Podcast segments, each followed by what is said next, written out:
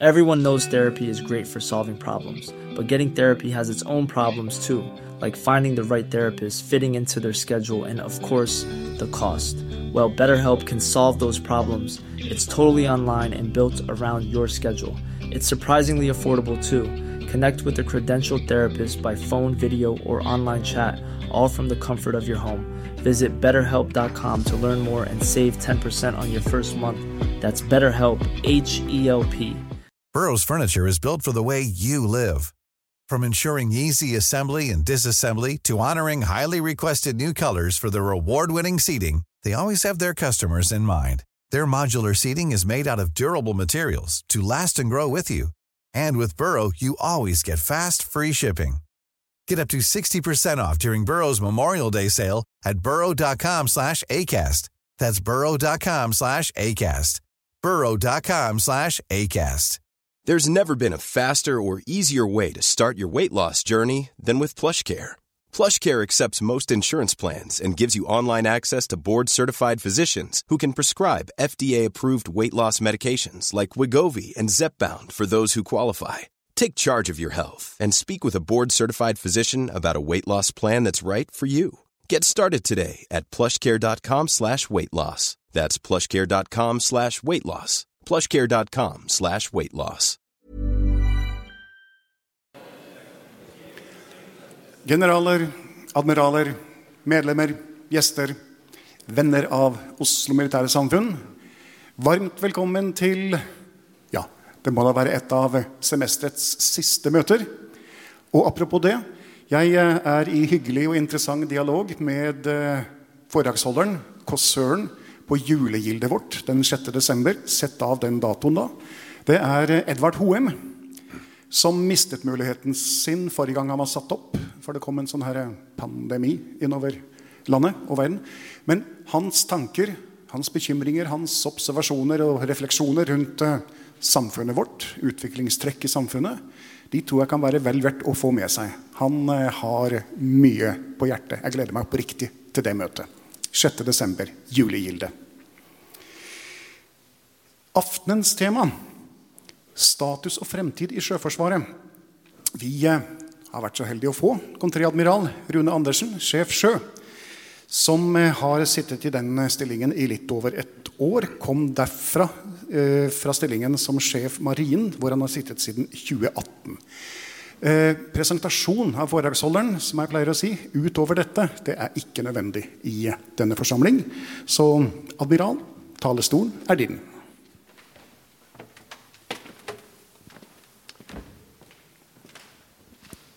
Ja, gode kolleger, kjære forsvarsvenner. Det er eh, med en eh, viss porsjon ærefrykt man går opp på denne talerstolen for første gang. Eh, men jeg har gledet meg til å gi dere en eh, maritim oppdatering. Et, et, begrep som er mye brukt blant mine internasjonale marinekolleger, er sea blindness, altså sjøblindhet. Og de bruker det om en situasjon hvor befolkningen og myndighetene ikke forstår havets betydning og havets eh, strategiske betydning for, for eh, velferd og sikkerhet. I Norge så opplever jeg heldigvis at det er en bred og, og grundig forståelse for at vi er en kyststat og en maritim nasjon, og hva det betyr for vår velstand og sikkerhet. Men det er, det kanskje allikevel slik at uh, det maritime er litt mindre synlig uh, og intuitivt for mange enn det som skjer på landjorda. Det utspiller seg tross alt på andre siden av horisonten. Noen ganger ute av syne og ute av sinn. Og det er noen nyanser, sammenhenger og effekter eh, som blir annerledes når man inkluderer et maritimt perspektiv. Fredag var jeg i begravelsen til Jakob Strandheim. Han ble 101 år gammel og var, de siste, var den siste gjenlevende etter Shetlandsgjengen. Uh, og det er ikke mange igjen av de nå som kjempet på havet under andre verdenskrig. Og fortsatt så er det slik at uh, den maritime innsatsen under annen verdenskrig uh, etter mitt syn er litt underrepresentert i, i vår kollektive hukommelse. Marinen opererte 118 kampfartøyer under rent norsk orlogsflagg under krigen. Eh, og det var eh, over 900 av våre mannskaper som eh, ga livet sitt i kamp på havet. Inkluderer du, inkluderer du handelsflåten, så er det over 400 norske sjøfolk som eh, mistet livet under krigshandlinger. Eh, og mange av disse var i regelmessig kamp gjennom hele krigen. med En enorm innsats og stor betydning for utfallet av krigen. Så jeg har lovet meg selv om å minne om dette litt oftere, eh, sånn som jeg gjorde nå. Det er eh, materiale nok til mange flere spillefilmer om annen verdenskrig hvis man inkluderer den maritime innsatsen. Men tilbake til i dag. Det er ingen tvil om at suksess i militære operasjoner i det 21. århundret handler om å skape effekter gjennom samvirke mellom ulike komponenter. Både militære styrker på land, på sjøen og i luften. Men også andre virkemidler, både nasjonalt og sammen med allierte. Og revitaliseringen av totalforsvaret her hjemme og styrkingen av vår evne til eh, fellesoperasjoner er avgjørende for vår forsvarsevne. Det er bred enighet om betydningen av et balansert nasjonalt forsvar eh, med et godt samvirke mellom Hæren, Sjøforsvaret, Luftforsvaret, Heimevernet, spesialstyrkene eh, og alle støttefunksjonene som skal til for at dette virker. Utnyttelsen av cyberdomenet og, og, verdensrommet er helt sentralt. Og mange har vært her på talerstolen i, i, OMS og redegjort for ulike deler av denne helheten. Jeg kan forsikre om at det er i dette fellesoperative perspektivet vi jobber til dagen. Og det har blitt styrket gjennom at vi styrkesjefer eh, altså vi har fått et ledelseskonsept hvor vi styrkesjefer er tett integrert i prosessene ved Forsvarets operative hovedkvarter. Så helheten er viktig. Men allikevel vil jeg bruke muligheten her i dag til å fokusere på det maritime. Eh, jeg kommer til å starte med kort blikk på utviklingen i, i det maritime domenet eh, og Sjøforsvarets operasjonsmønster. Den endrede sikkerhetspolitiske situasjonen har fått direkte konsekvenser for hvordan Sjøforsvaret er organisert og opererer, sammen med våre allierte. I den andre halvdelen retter jeg blikket litt fremover og kommer inn på hvordan Sjøforsvarets fremtid ser ut på på kort og litt lengre sikt. En av de grunnleggende, eh, av de grunnleggende Skal jeg finne ut av dette? Eh, en av de grunnleggende eh, premissene i sjømaktsteorien er sammenhengen mellom en nasjons velstand og dens evne til å utnytte havet. Til kommersielle formål i fredstid og gjennom sjømilitær kontroll i krise og krig. Det her var Alfred Thayer Mahans uh, grunntese, og de fleste landets sjøkrigsskoler underviser fortsatt i Mahan.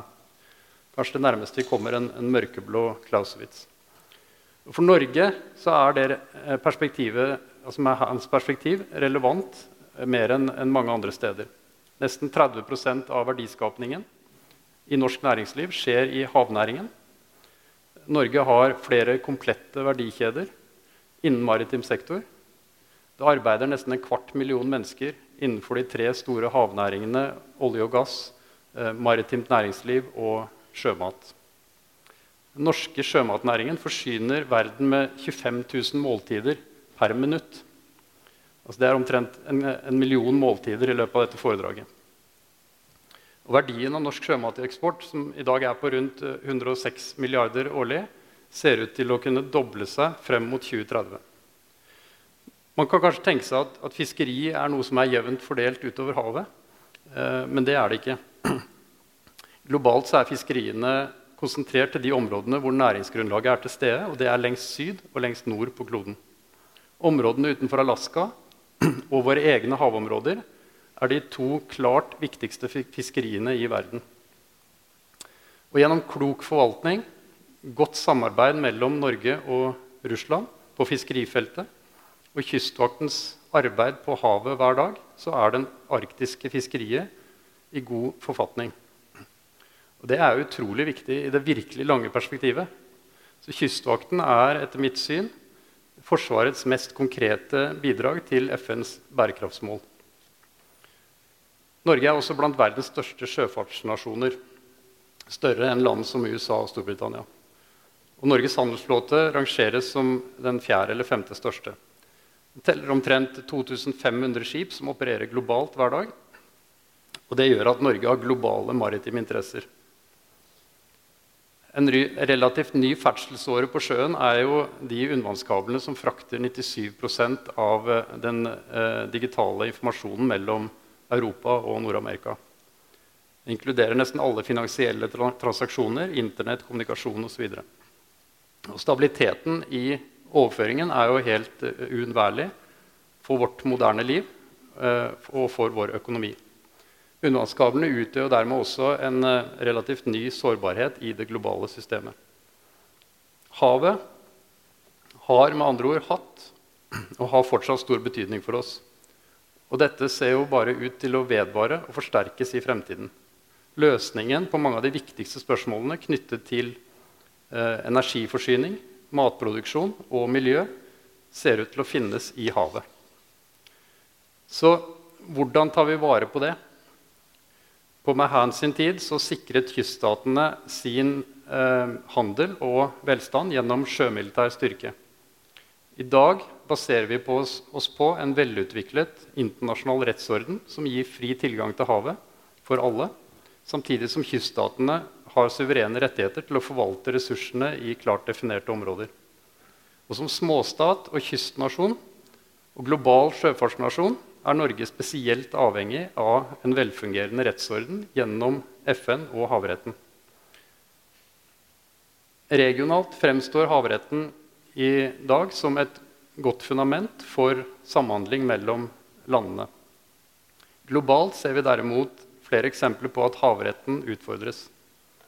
Kinas aktivitet og militære oppbygging i Sør-Kina-havet utfordrer retten til ferdsel på det frie hav og retten til å høste av havets ressurser. Kina velger å definere rettsgrunnlaget basert på hva som favoriserer Kinas eh, ambisjoner, og hevder da at uenigheter skal avgjøres mellom de involverte statene.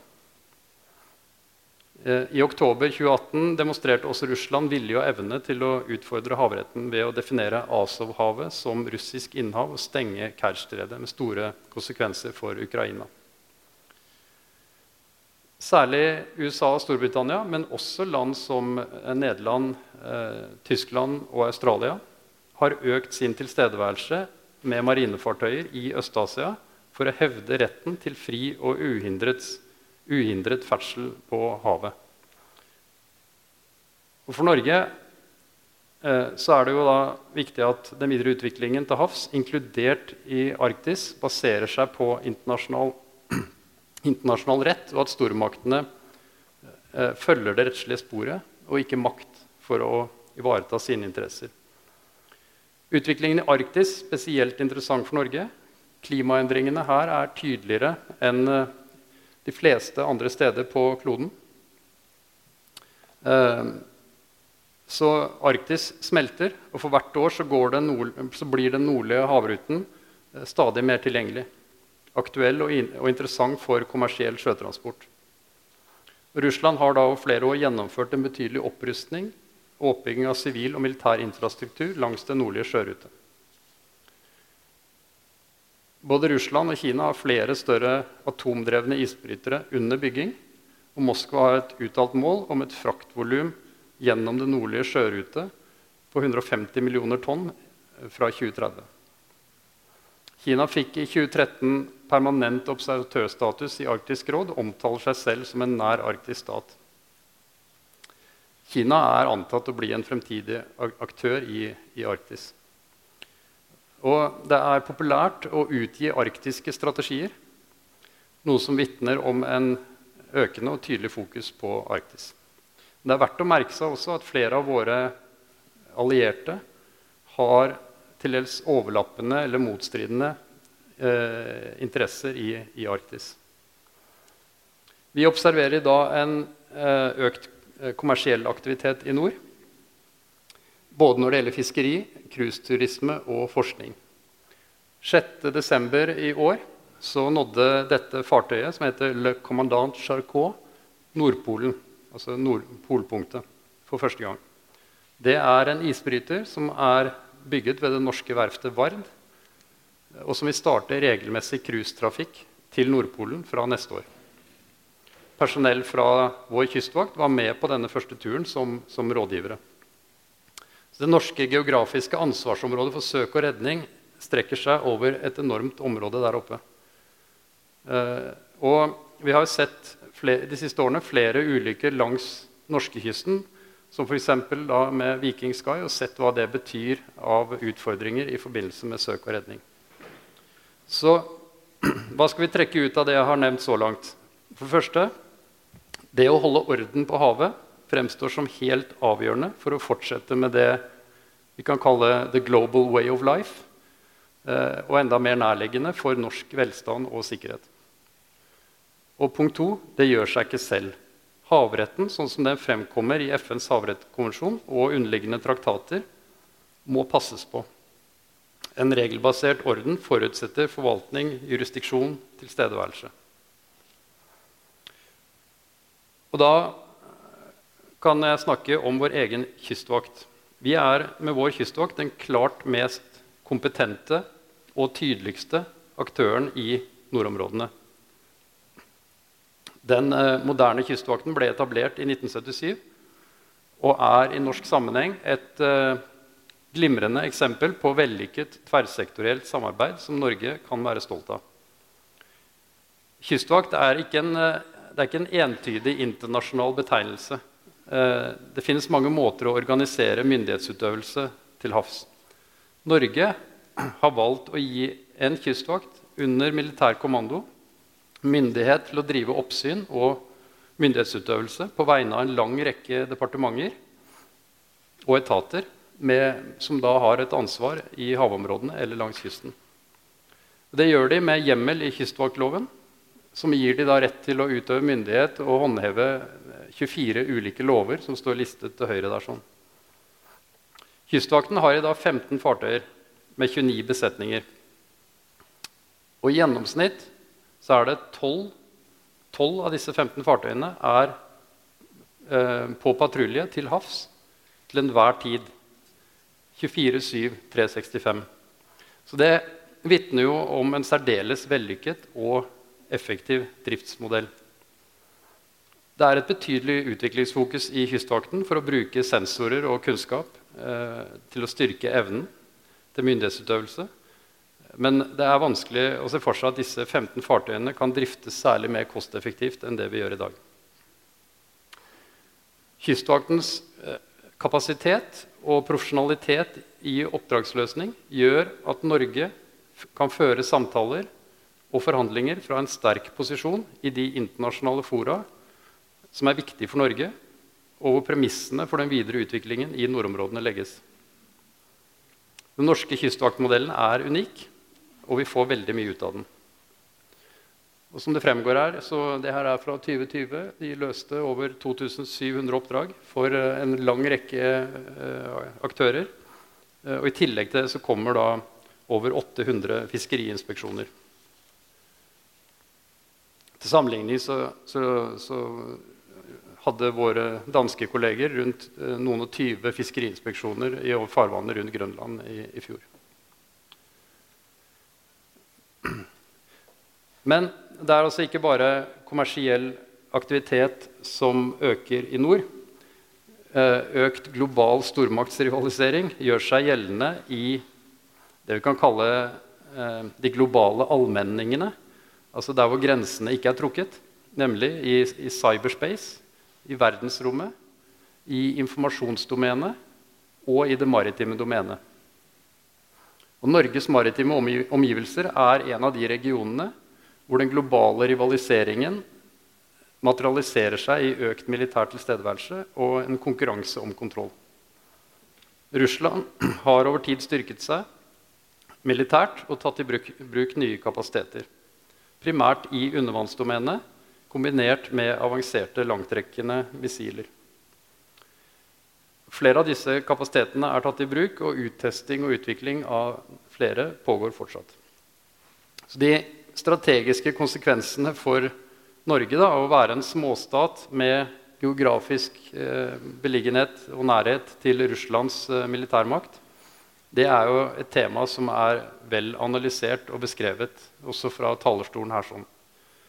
Eh, men det bildet her sånn, som viser undervannstopografien i Nord-Atlanteren, illustrerer kanskje med litt større oppløsning hva som er den operasjonelle utfordringen.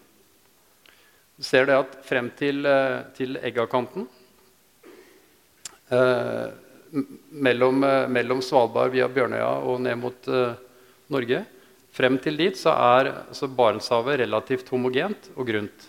Gjennomsnittsdybde på rundt 230 meter. Eh, før man kommer ut i, i det store havdyp. Og så eh, presses man opp igjen da, hvis man opererer under vann, eh, når man skal passere denne åpningen som betegnes som Giuk-gapet. Kunne jo like gjerne kalt det Giuk-terskelen.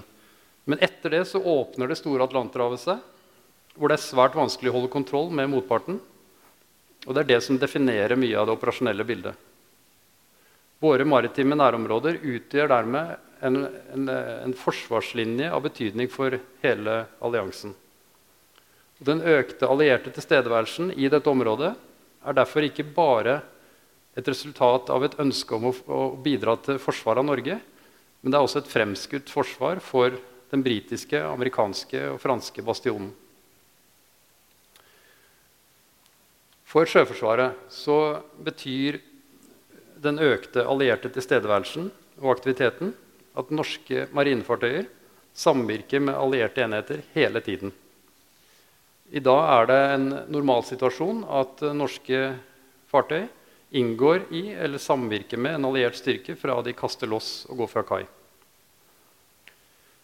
Og Noe av det viktigste vi bidrar med da, det, fra norsk side, det er kompetanse og innsikt i russisk operasjonsmønster.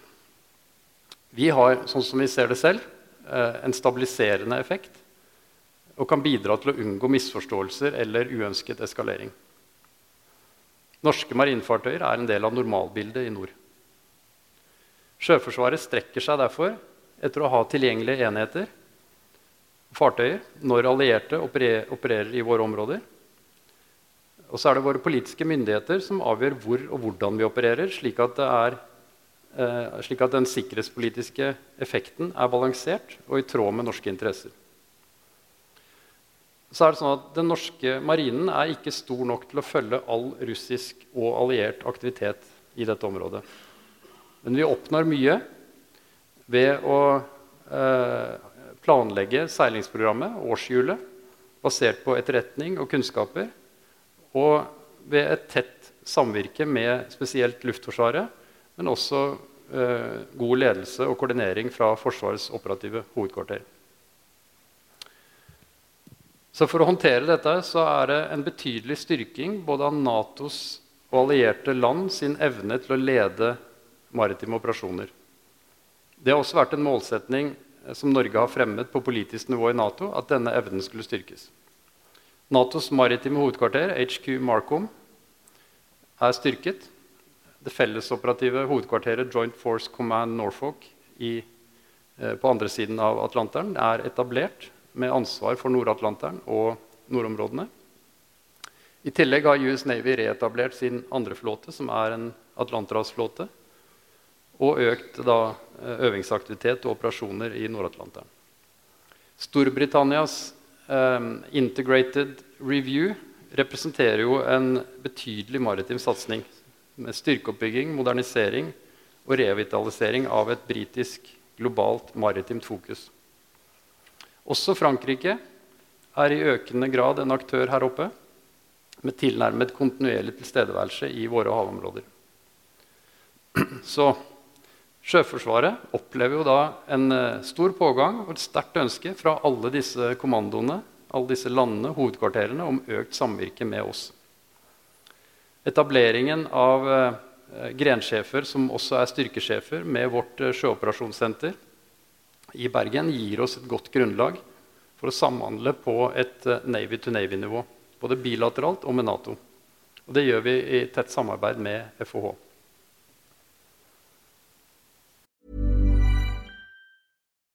Millions of people have lost weight with personalized plans from Noom. Like Evan, who can't stand salads and still lost 50 pounds. Salads generally for most people are the easy button, right? For me, that wasn't an option. I never really was a salad guy. That's just not who I am. But Noom worked for me. Get your personalized plan today at Noom.com. Real Noom user compensated to provide their story. In four weeks, the typical Noom user can expect to lose one to two pounds per week. Individual results may vary. I'm Sandra, and I'm just the professional your small business was looking for. But you didn't hire me because you didn't use LinkedIn jobs. LinkedIn has professionals you can't find anywhere else, including those who aren't actively looking for a new job but might be open to the perfect role, like me. In a given month, over 70% of LinkedIn users don't visit other leading job sites. So if you're not looking on LinkedIn, you'll miss out on great candidates like Sandra. Start hiring professionals like a professional. Post your free job on linkedin.com/people today.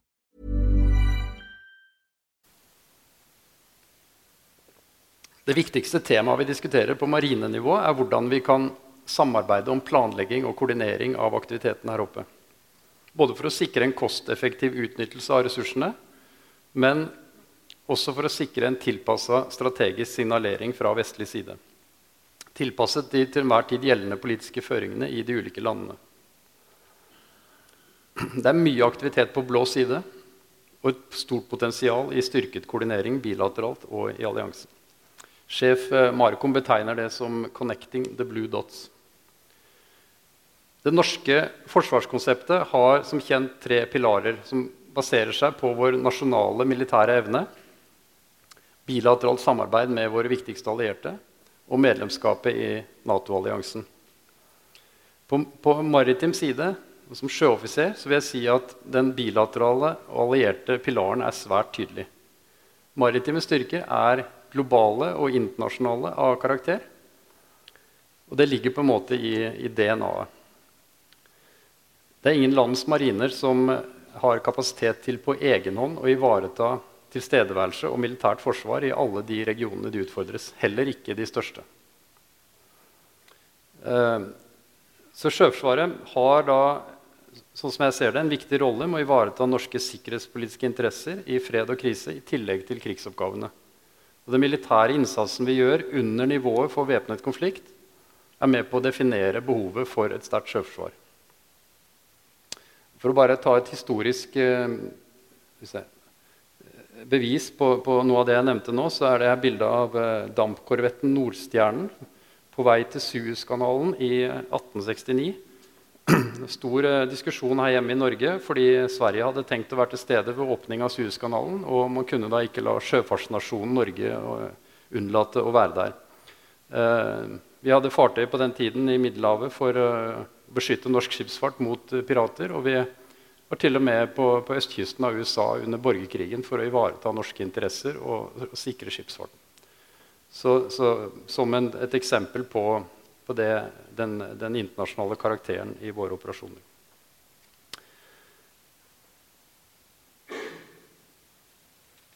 Det vi trekker ut av dette, er for det første at det er en økt etterspørsel etter norske sjømilitære kapasiteter, og at denne etterspørselen er drevet både av våre nasjonale, eh, eh, nasjonale sikkerhetspolitiske interesser, men også av alliansens behov. Litt til det som er pågående. Eh, dette er bildet av eh, KNM Maud eh, på vei inn for å forsyne et av styrkene i SNMG-1, altså Natos stående fregattstyrke. Denne høsten har KNM Maud vært ute i denne styrken for første gang. Og hun har virkelig vist hva hun er god for. Som eneste forsyningsfartøy i Natos fregattstyrke har hun sørget for økt utholdenhet og, operativ evne. Uh, mens uh, eh, SNMG har hatt viktige aktiviteter i Nord-Atlanteren. Barnesykdommene til KNMO er ikke helt over. Uh, og det er spesielt det skipstekniske datasystemet som gir noen utfordringer. Så vi forventer noen driftsutfordringer også i tiden fremover. Men jeg er helt sikker på at dette er et godt fartøy, og at det kommer til å gjøre en, en, en formidabel jobb for oss i mange år. Vi er også ute i Natos stående middelridderstyrke, noe vi pleier å være hvert år. Denne gangen er vi ute med det nye autonome mineryddersystemet, Hugin, eh, som er dratt frem her i Norge i samarbeid med, med Kongsberg og FFI og Sjøforsvaret. Eh, og som er eh, et, et, av verdens beste systemer for overvåkning av, av eh, havet og deteksjon av miner. Men vårt viktigste bidrag akkurat i øyeblikket er KNM Fridtjof Nansen, eh, som driver forberedelser til deployering sammen med Carrier Strike Group 8 borte på østkysten av USA. Nansen har de siste fire ukene gjennomgått omfattende og avansert eh, integrasjonstrening som en del av eh, hangarskipsstyrken. Unnskyld. Eh, styrken består av USS Harry S. Truman og eh, syv kryssere destroyere, i tillegg til vår fregatt. Og våre norske kolleger om bord på Nansen har gjort det veldig bra. Og, og fregattene har kapasiteter som er utfyllende og bidrar i helheten av styrken. Norge er en av kun en håndfull nasjoner i verden som kan operere så integrert med US Navy.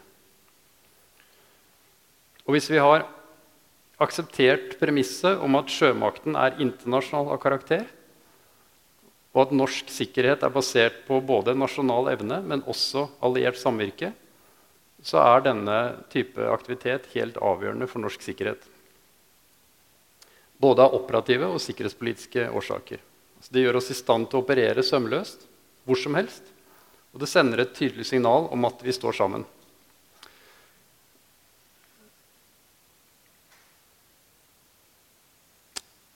Her ser dere et bilde av uh, Harry Truman med det norske splittflagget helt øverst i masta. Og jeg mener at disse sammenhengene som jeg har forklart nå, er så tydelige at uh, dette her bidrar til norsk sikkerhet uansett hvor denne styrken befinner seg. Og da trekker jeg den så langt som å si at Sjøforsvarets viktigste bidrag til forsvaret av Finnmark har de siste ukene foregått utenfor kysten av Florida. La den henge litt. Når den sikkerhetspolitiske situasjonen endret seg, så økte Sjøforsvaret sin beredskap og aktivitet. Det ble mulig delvis gjennom økte bevilgninger og delvis gjennom interne prioriteringer. Målsettingen var å få det vi har, til å virke. Den maritime strukturen som vi hadde tilgjengelig for å få til dette her, var jo egentlig besluttet rundt årtusenskiftet. Og Det er en viktig lærdom i det. Og det er at Større kampsystemer må være på plass før du trenger dem. Det er for sent å tenke på fregatter og ubåter når spenningen endrer seg. Det samme gjelder jo selvsagt for andre teknologitunge deler av Forsvaret. Men i løpet av, de neste, altså i løpet av det neste tiåret så vil det tas viktige beslutninger om den maritime strukturen. Og Da håper jeg at de tas med den type langsiktighet i, i bakhodet. Noe er allerede besluttet og på vei. Nye maritime patruljefly blir en svært verdifull kapasitet helt uvurderlig for å holde kontroll i undervannsdomenet. I dag er det jevnlige operasjoner med, med amerikanske og britiske P8 fra baser i Skottland, på Island og i Norge. Og norske P8 legger til rette for utstrakt samarbeid og byrdefordeling og effekt i disse operasjonene.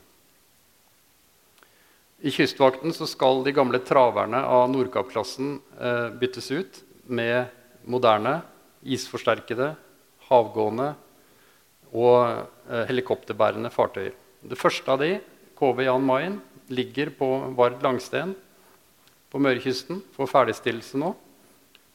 Og vi planlegger å overta det fartøyet i slutten av neste år. Så kommer de andre da et, de påfølgende årene. I sommer så undertegnet eh, Forsvarsmateriell eh, kontrakt for neste generasjon ubåter. Eh, hvor den første leveres i 2030. Den siste Ula-klassen vil etter planen gå ut av tjeneste rundt 2035 og er da langt over 40 år gammel. Så Kontinuerlig ubåtkapasitet er viktig både av militære hensyn, men også for å opprettholde kompetanse. Ula-klassen er betydelig oppgradert de siste årene og har gode systemer. Men det vil kreve ytterligere arbeid å holde de i drift ut levetiden. Så De nye ubåtene de blir jo da identiske med Tyskland sine. Noe som var en målsetning allerede før kontraktsarbeidet begynte. Alt ligger til rette for en helt unikt tett integrasjon, både i bygging, men også gjennom hele levetiden. Felles utdanning og trening, felles prosedyrer, taktikkutvikling og oppdateringer og vedlikehold. Bygging av vedlikeholdskapasitetene er i god gang i Bergen, på Haakonsvern. Og der skal da både de norske og tyske ubåtene vedlikeholdes og driftes. Det er ikke helt uten utfordringer å samarbeide så tett som vi gjør i dette prosjektet. Men gevinsten og potensialet er skyhøyt. Fordi noen av de utfordringene nesten alle små og mellomstore mariner har i dag, det er den store variantbredden i fartøyene våre. Det krever mye å opprettholde kompetanse, vedlikeholde, styre konfigurasjon eh, på disse plattformene gjennom hele levetiden. Derfor mener jeg at ubåtprosjektet peker fremover eh, på hvordan vi i større grad kan anskaffe, eie og drifte systemer sammen med andre. De fartøyene vi har i dag De nærmeste årene skal nesten alle gjennom oppgraderinger og levetidsforlengelser. Dette er besluttet og planlagt og veldig bra og nødvendig. Men det kommer jo også da med eh, en, en, midlertidig reduksjon i tilgjengeligheten når disse oppdateringene pågår. Vi kommer til å jobbe hardt for å mitigere reduksjonen i tilgjengelige enheter i tett samarbeid med Forsvarsmateriell og unngå for stor samtidighet i lange verftsopphold. Og da, I tillegg seile de fartøyene som er tilgjengelige, med de besetningene vi har. Rullere besetningene på fartøyer som er tilgjengelige. Men ser vi fram mot midten av 30-tallet, så er det lite igjen av dagens sjøforsvar. Da har vi tre kystvaktfartøyer. Vi har fire nye ubåter. Vi har KNM Maud. Inntil nye beslutninger er tatt. Det vil si at vi nærmer oss det tidspunktet hvor vi må ta stilling til hva slags sjøforsvar skal ha fram mot 2050-tallet. Eh, når, når, dagens fartøyer faller for levetiden. Og det er et stort spørsmål som Sjøforsvaret ikke eier alene, som krever en bred forankring og diskusjon. Men tatt i, tatt i betraktning tiden det tar å fremskaffe sånne systemer, så aktualiseres det spørsmålet fra nå av og fremover mot neste langtidsplan. Det gjennomføres allerede enkelte utredninger for å bygge et beslutningsgrunnlag. Men det er for tidlig å gi helt konkrete råd om hva som bør anskaffes og utgjøre Sjøforsvaret i tidshorisonten 2035-2050. Men noen grunnleggende antakelser har vi med oss. En er at tilstedeværelse og kontinuerlige operasjoner vil være nødvendig i en tid med økende internasjonal rivalisering og press på havretten. Og Det betyr da at antallet i seg selv er viktig. Marinen har gjennom de siste tiårene fått gradvis færre fartøyer og vekslet det inn med kvalitet og relevant teknologi. Men den trenden bør brytes ved neste korsvei. Kontroll med undervannsdomenet og havgående egenskaper vil få stor betydning Altså Under vann er det siste stedet på jorda nå det fortsatt er mulig å gjemme seg. Og det har vår nabo i øst eh, forstått, og det er der han satser. Sikkerhetsutfordringer langs kysten det kan vi heller ikke utelukke, men vi tror at det først og fremst vil materialisere seg i gråsonen mellom militære og sivile oppdrag. Eh, og at de kapasitetene som trengs her, er annerledes enn det vi hadde under den kalde krigens invasjonsforsvar. Jeg har ikke tenkt å gå inn på NH90-anskaffelsen, men bare bruke den til å fastslå at eh, for det første, mangelen på maritime helikopter er det som har størst negativ konsekvens for Sjøforsvarets operative evne i øyeblikket. Og lærdommen er at vi er nødt til å anskaffe materiell som virker. Da må vi være på vakt mot det amerikanerne kaller 'requirements creep'.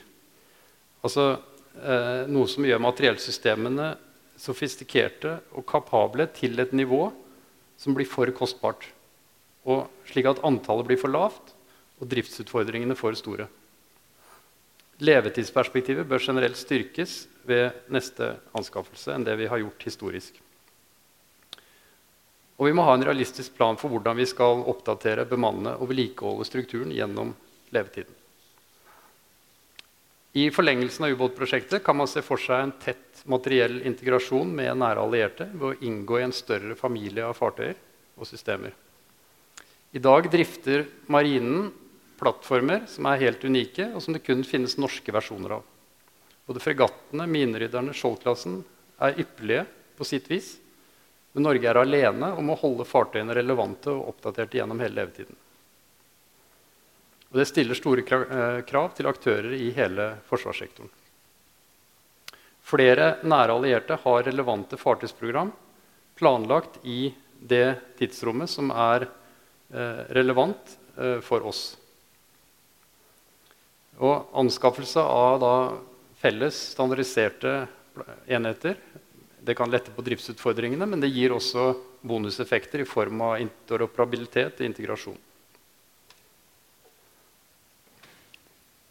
En helt annen løsning eh, er å basere seg på sivile maritime standarder, noe Kystvakten har gjort eh, med, med, med, godt hell og suksess.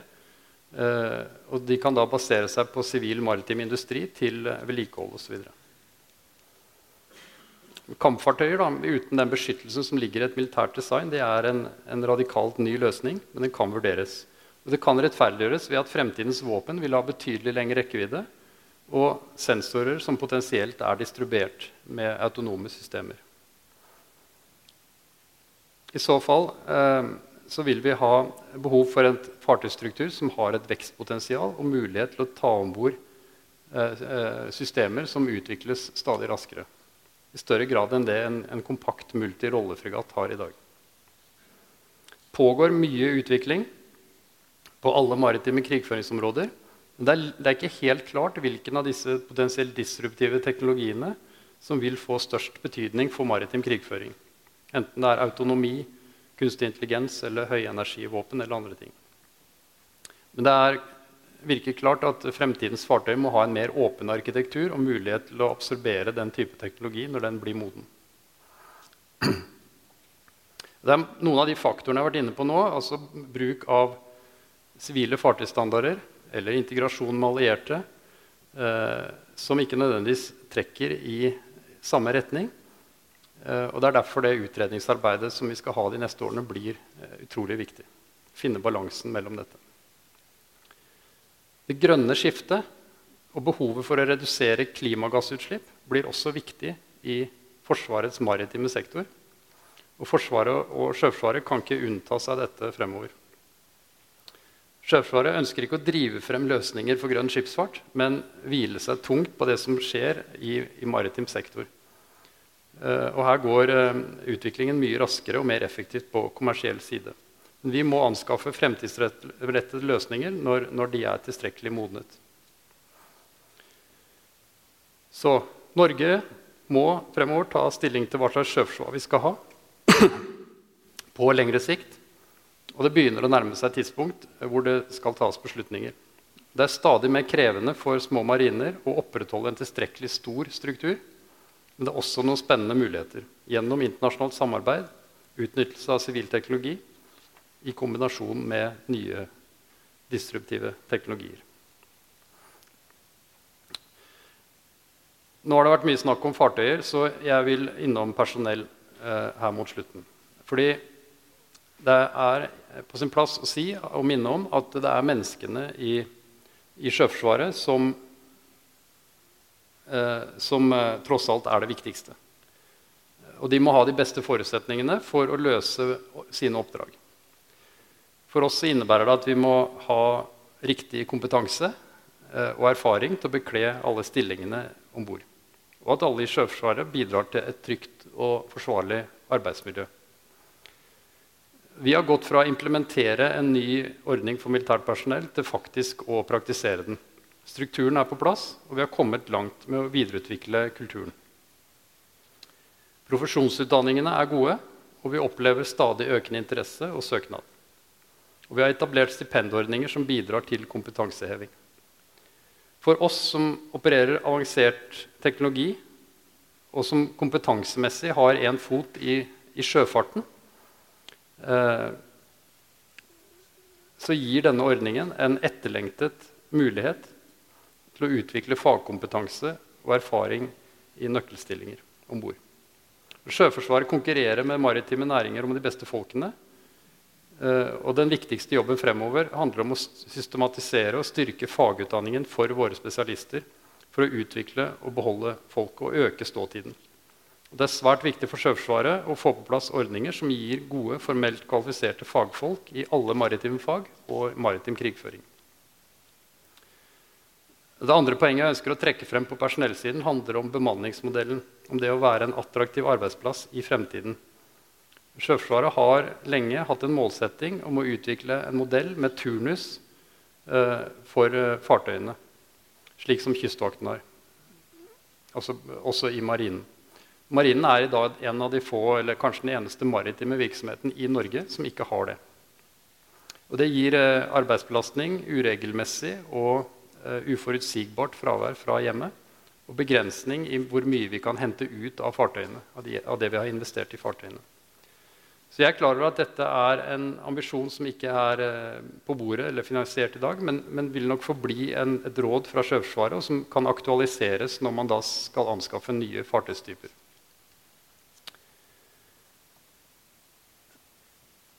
Jeg skal gå inn for landing. Eh, om, om, en uke er det eh, tre år siden KNM Helge Ingstad kolliderte og sank. Det Foredraget her er et av de første jeg, som jeg holder på, på, tre år, hvor ikke det er uh, et hovedtema. Status i dag er at vi har innført mange tiltak i Sjøforsvaret som en følge av de lærdommene som vi har fått. Men også at vi har sikkerhetstilrådninger som det vil ta lang tid å implementere fullt ut. Så Ingstad blir med oss eh, fremover. Og den kommer også opp igjen i forbindelse med rettssakene som er ventet utover neste år. Men jeg støtter meg til eh, Havarikommisjonen, som for øvrig besøkte oss i forrige uke, og som roser vår organisasjon for hvordan ulykken har blitt håndtert i ettertid, og hvordan læringspunktene er blitt implementert. Avslutningsvis jeg er utrolig stolt av å lede et sjøforsvar som har respondert på den nye sikkerhetspolitiske situasjonen i våre nærområder. Eh, som utmerker seg med høy kompetanse og arbeidsmoral i samvirke med våre viktige allierte. Og som har kommet gjennom en stor krise på den mest konstruktive måten vi kunne, nemlig med å ta vare på hverandre og lære av ulykken. Norge har regionale og globale maritime interesser som vi må verne om. Og den maritime dimensjonen ved alliert og nasjonal sikkerhet har blitt enda tydeligere og viktigere. Og det gjør også at det er veldig meningsfylt for Sjøforsvarets personell å gå på jobb hver dag. Vi vil fortsette å prioritere sikker drift med en sunn balanse mellom operativ aktivitet og det vi kaller styrkeproduksjon, altså alt som har med opplæring, trening, vedlikehold osv. å gjøre. Vi har et spennende, men utfordrende tiår foran oss når majoriteten av vårt materiell går inn i siste halvdel av sin levetid og skal oppdateres. Samtidig så ligger det store muligheter i de prosessene som, som ligger foran oss, uh, og hvor premissene skal legges for Norges fremtidige marit maritime bidrag til både nasjonal og alliert sikkerhet. Og Sjøforsvaret ser fram til å bidra med entusiasme, kreativitet, kompetanse og innsikt. Takk for oppmerksomheten.